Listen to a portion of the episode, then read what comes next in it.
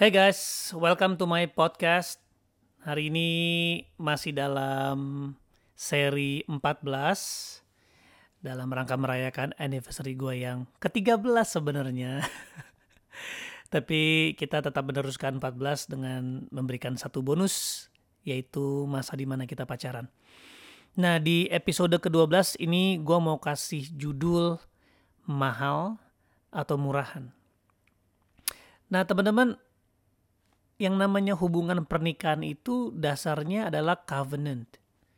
Covenant itu sebuah ikat janji yang kalau kita sebagai orang percaya uh, ikat janji yang Tuhan berikan itu dengan darahnya. Dia harus mati di kayu salib. Jadi dengan Yesus mati di kayu salib, dia sedang membuat perjanjian yang baru dengan kita. Nah itu mahal banget, buset. Itu pengorbanan yang melibatkan pengorbanan nyawa. Bayangin, itu sebuah bentuk kasih yang melibatkan nyawa yang dikorbankan.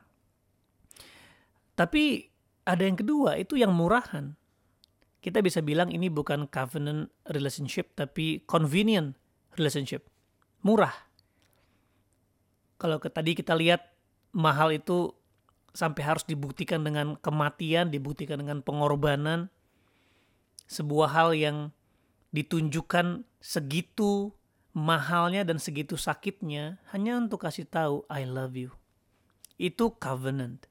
Tapi kalau convenient itu murah. Artinya orang-orang yang memiliki hubungan dasarnya convenient itu hubungan yang murah.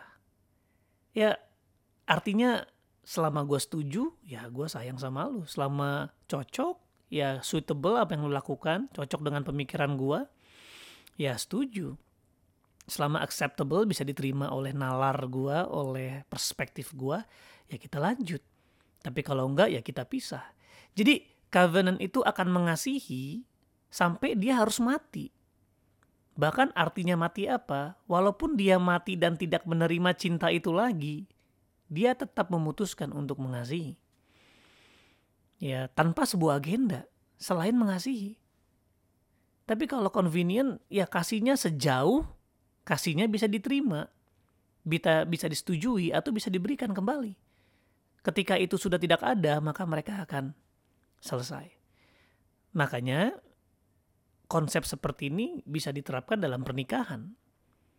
Di pacaran belum waktunya, tetapi lu bisa melatihnya untuk mempersiapkan diri untuk bisa mengasihi orang nanti pas di pernikahan untuk jaga waktu seumur hidup. Bukan hanya ada jangka waktu, tapi dengan terus memberikan kasih ini. Nah, kenapa kenapa mahal dan murah? Karena covenant itu di pernikahan itu mahal banget. Ya ketika gue ngucapin janji pernikahan, gue bilang sama Joanna, aku menikahimu, aku berjanji untuk setia dalam suka dan duka, sakit maupun sehat, dalam keadaan senang ataupun sedih, kaya atau miskin. Artinya apa pun situasinya, apa pun yang kamu lakukan sama saya, apa pun keadaan yang menimpa saya, apa pun keadaan yang menimpa kita, I will stand. I will keep my love on toward you. Wow, ini mahal men, ini bukan murahan. Tapi kalau murah, yang murah berbeda. Dia akan mengatakan, aku mengasihi kamu selama kamu mengasihi aku. Aku akan berkorban buat kamu selama kamu menghargai pengorbanan aku. Aku akan terus memberi buat kamu selama kamu memberi balik. Ini murahan, artinya apa? Kasih lu bisa dibeli, bisa dibayar. Makanya gue teringat sebuah ayat di Alkitab ya. Dia bilang, entahkah orang membangun di atas dasar ini dengan emas, perak, batu permata, atau kayu, rumput, kering, atau jerami. Sekali kelak pekerjaan masing-masing orang akan nampak. Ya, memang di sini mereka lagi ngomongin tentang komunitas, lagi ngomongin tentang perkumpulan orang percaya di mana ada terjadi perpecahan. Ya, bisa juga kita kita sambungkan ke pernikahan. Karena ini lagi berbicara juga tentang perselisihan dalam tubuh Kristus, ya sama juga. Tubuh Kristus itu kan sama aja kayak uh, gereja itu sebuah bukti atau pernyataan yang yang yang yang di mana Yesus mau menyatakan cintanya dia kepada jemaatnya. Makanya di Efesus ketika suami mengasihi istri, istri menghormati suami, lalu dibilang rahasia ini besar. Tapi maksudnya adalah bagaimana Kristus sebagai mempelai pria mengasihi gerejanya. Nah jadi antara gereja dengan pernikahan itu sangat dekat hubungannya. Makanya hari ini terbukti apakah hubungan kita itu hubungan yang murahan atau hubungan yang mahal.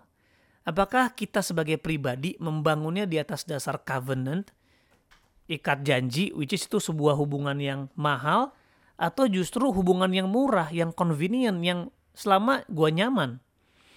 Nah, berarti kalau hubungan-hubungan yang mahal atau pribadi yang mahal, dia membangun nilai hidupnya itu dari perak, batu permata, dan emas.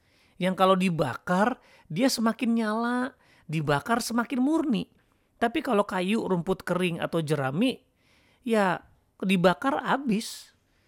Makanya eventually all of us will be burned with fire. The fire is coming. Pasti. Kita pasti akan diuji oleh api. Pasti. Masalahnya kalau kita orang-orang convenient, ketika lu dibakar oleh api, hilang. Lu hilang. Termasuk cara lu mengasihi orang lain, bagaimana lu mengasihi orang lain, ada api dikit, lu tersinggung, lu disakiti, hilang langsung lu. Antara lu menjauh dari hubungannya atau lu hilang mati. Gone.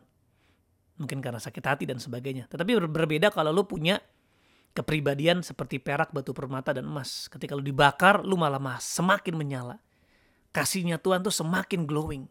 Semakin dimurnikan tetap ada tangisan yes tetap ada amarah yes tetap ada kebingungan pasti. Tapi love true love itu selalu fireproof. Selalu bisa menang tetap menyala walaupun itu dibakar. Nah lu yang mana? Lu murah atau lu mahal? Lu orang-orang convenient atau lu orang-orang yang covenant? Di mana apa pun yang terjadi lu tetap berdiri, lu tetap bisa mengasihi. Nah, eh, di awal tahun gue mengalami satu hal yang benar-benar gak enak banget. Ya ngomongin tentang fireproof di sini cinta gue dan Joanna diuji banget. Apakah gue membangun cinta gue itu dengan cintanya Tuhan yang real, yang mahal, covenant. Begitu juga Joanna dan begitu juga bagaimana hubungan kita diuji. Bukan hanya gua pribadi, Joanna pribadi, tapi apakah hubungan kita juga dibangun atas dasar ini. Ya otomatis kalau gua membangun dengan emas, perak, batu permata, Joanna juga membangun yang sama, ya udah pasti hubungan kita powerful. Nah hari itu kita lagi liburan sekalian ada pelayanan.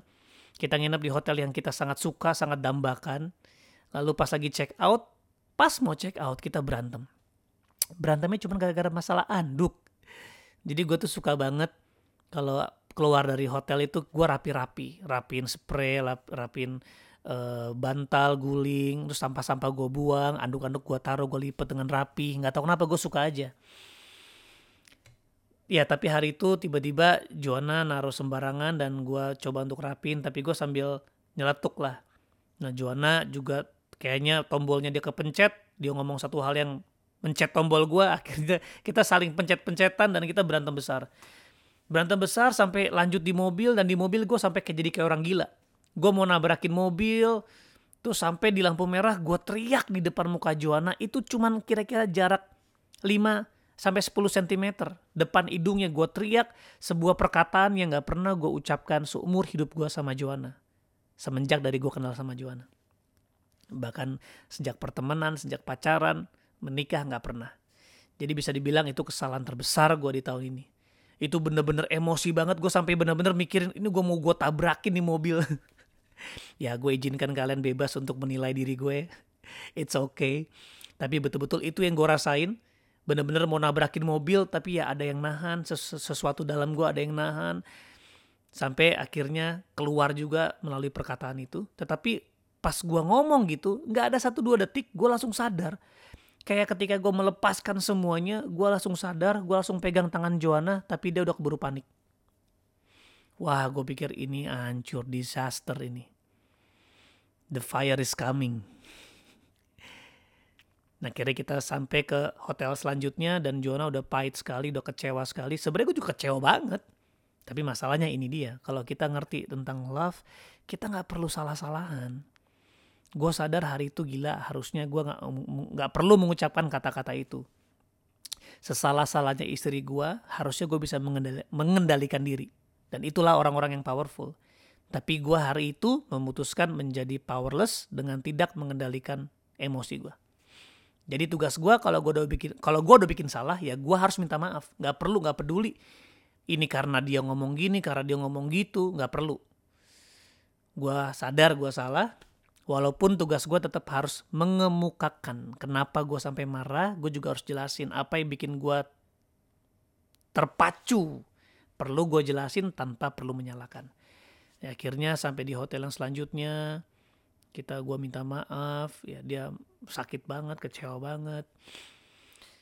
Dan sore malamnya gue harus ada pelayanan di mana kita sedang diundang oleh sebuah KKR lumayan besar itu KKR sekota Denpasar dan orang-orang dari sekitar Denpasar juga ikut lo tahu ngomongin apa ngomongin unconditional love berdua.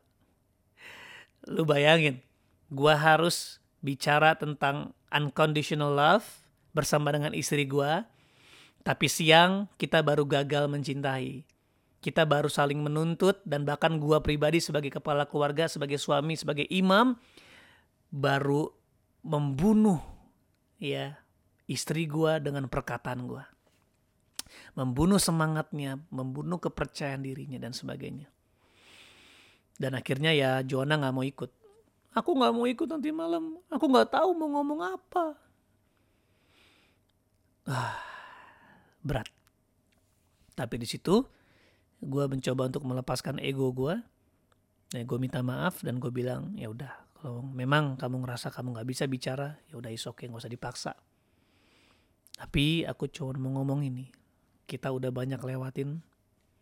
Aku cuma mau kita menang Jangan sampai gara-gara kesalahan tadi yang sebenarnya kita tahu kita bisa kita bisa kita bisa berubah, kita bisa rekonsiliasi dan bahkan kita tetap bisa jadi berkat.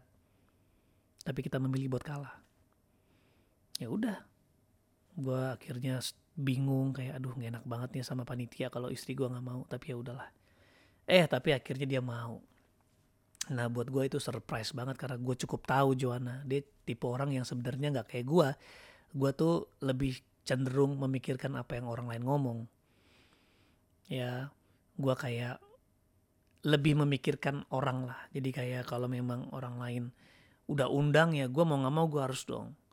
Tapi buat Joanna ya kalau gue nggak bisa gimana gitu loh. Ini bukan masalah baik atau benar.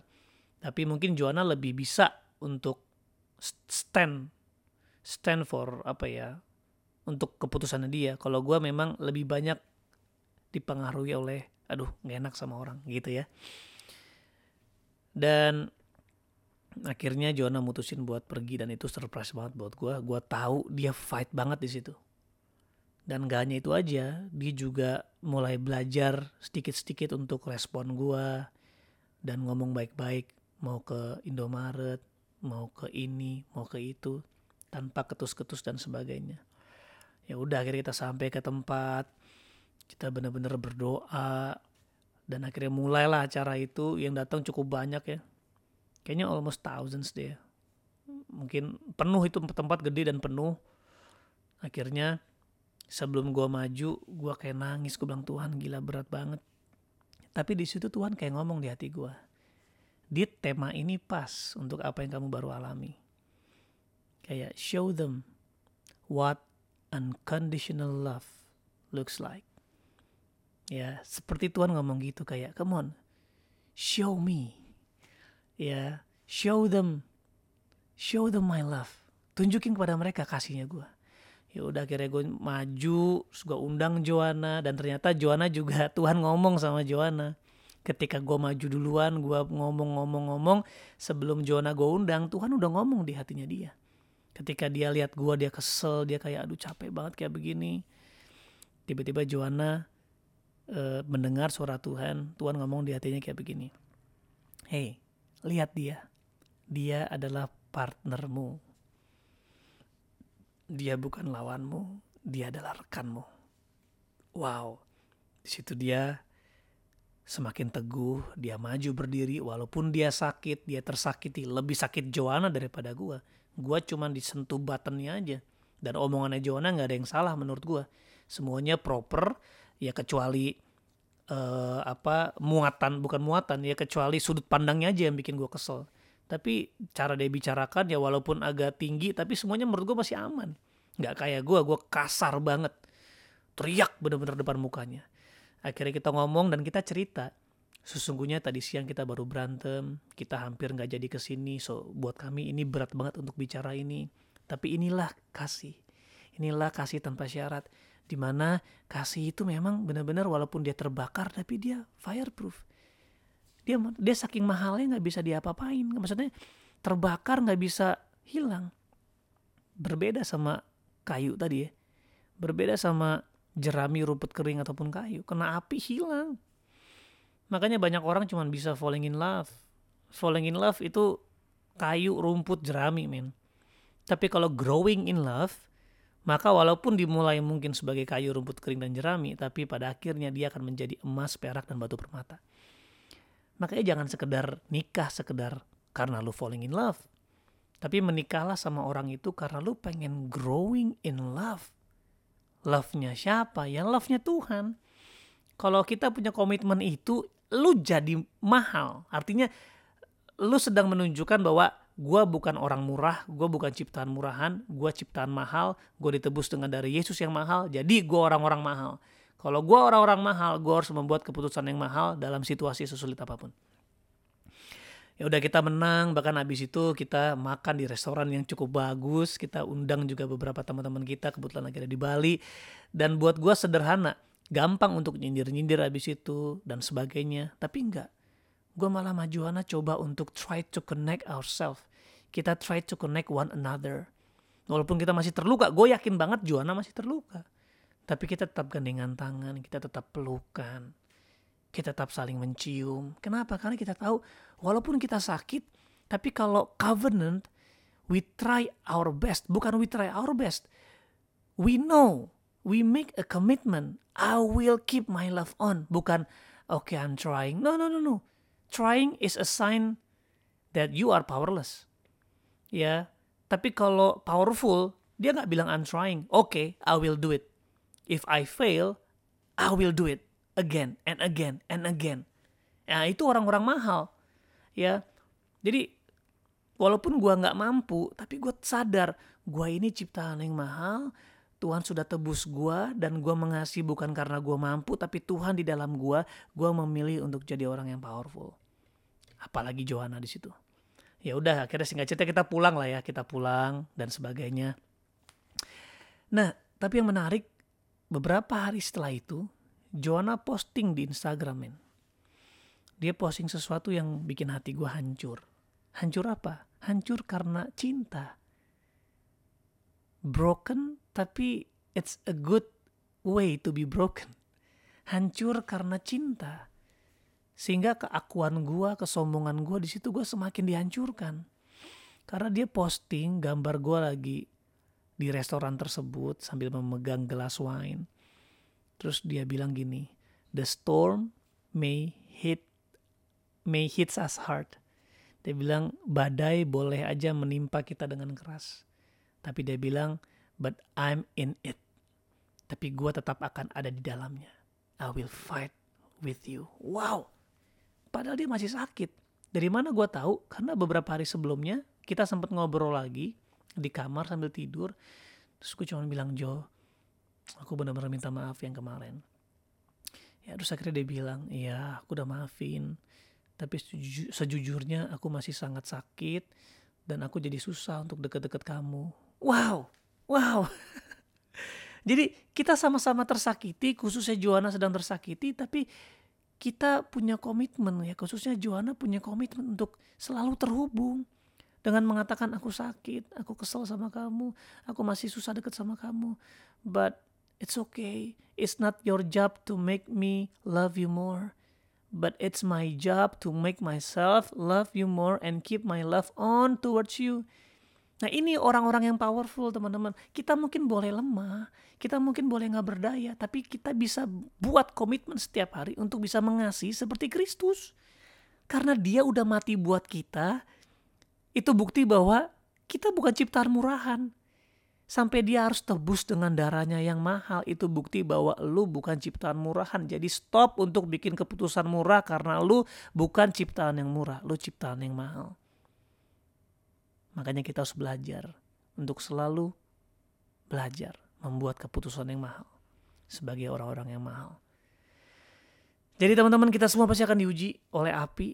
Tapi ketika api itu datang, itu justru membuktikan kita sekarang masih jadi kayu jerami ya. Atau bahkan kita adalah permata emas batu permata emas perak. Dan ini semua tergantung dengan keputusan kita dan apa yang kita lakukan bersama dengan Tuhan. Karena pasangan kita nggak pernah bisa membuat kita dipenuhi oleh kasih. Cuman kasih Kristus kasih Tuhan Yesus yang bisa membuat kita memahami mengerti tentang kasih nah jujur di situ ketika gue mendengar Jona atau melihat Jona posting itu, gue sadar bener bahwa di rumah gue ada Tuhan. Gue tahu banget bahwa Tuhan ada di keluarga gue. Karena walaupun badai menyerang kita, api membakar kita, tapi kita nggak terbakar. Kita malah terus bersinar, muncul, semakin bersinar, bahkan dari kesalahan kita, kita bisa ceritain kebaikan Tuhan. Betapa bobroknya kita, betapa bodohnya gue, tapi kasihnya selalu mengembalikan gue ke tempat, ke posisi yang mahal. Kasihnya selalu memampukan kita untuk bertobat, untuk akhirnya membuat keputusan yang benar lagi. Dan terus belajar menjadi orang yang powerful. So buat teman-teman, pertanyaannya adalah gini. Lu orang mahal apa lu orang murah? Apa pun jawaban lo, gue cuma mau kasih tahu bahwa Yesus sudah mati buat lo. Kenapa? Dan dia mati, dia menebus lu dengan darahnya yang mahal itu cukup buat nunjukin lu bukan orang-orang yang murah. Tapi keputusan lo untuk tetap mau jadi orang yang murah atau orang yang mahal. So God bless you guys.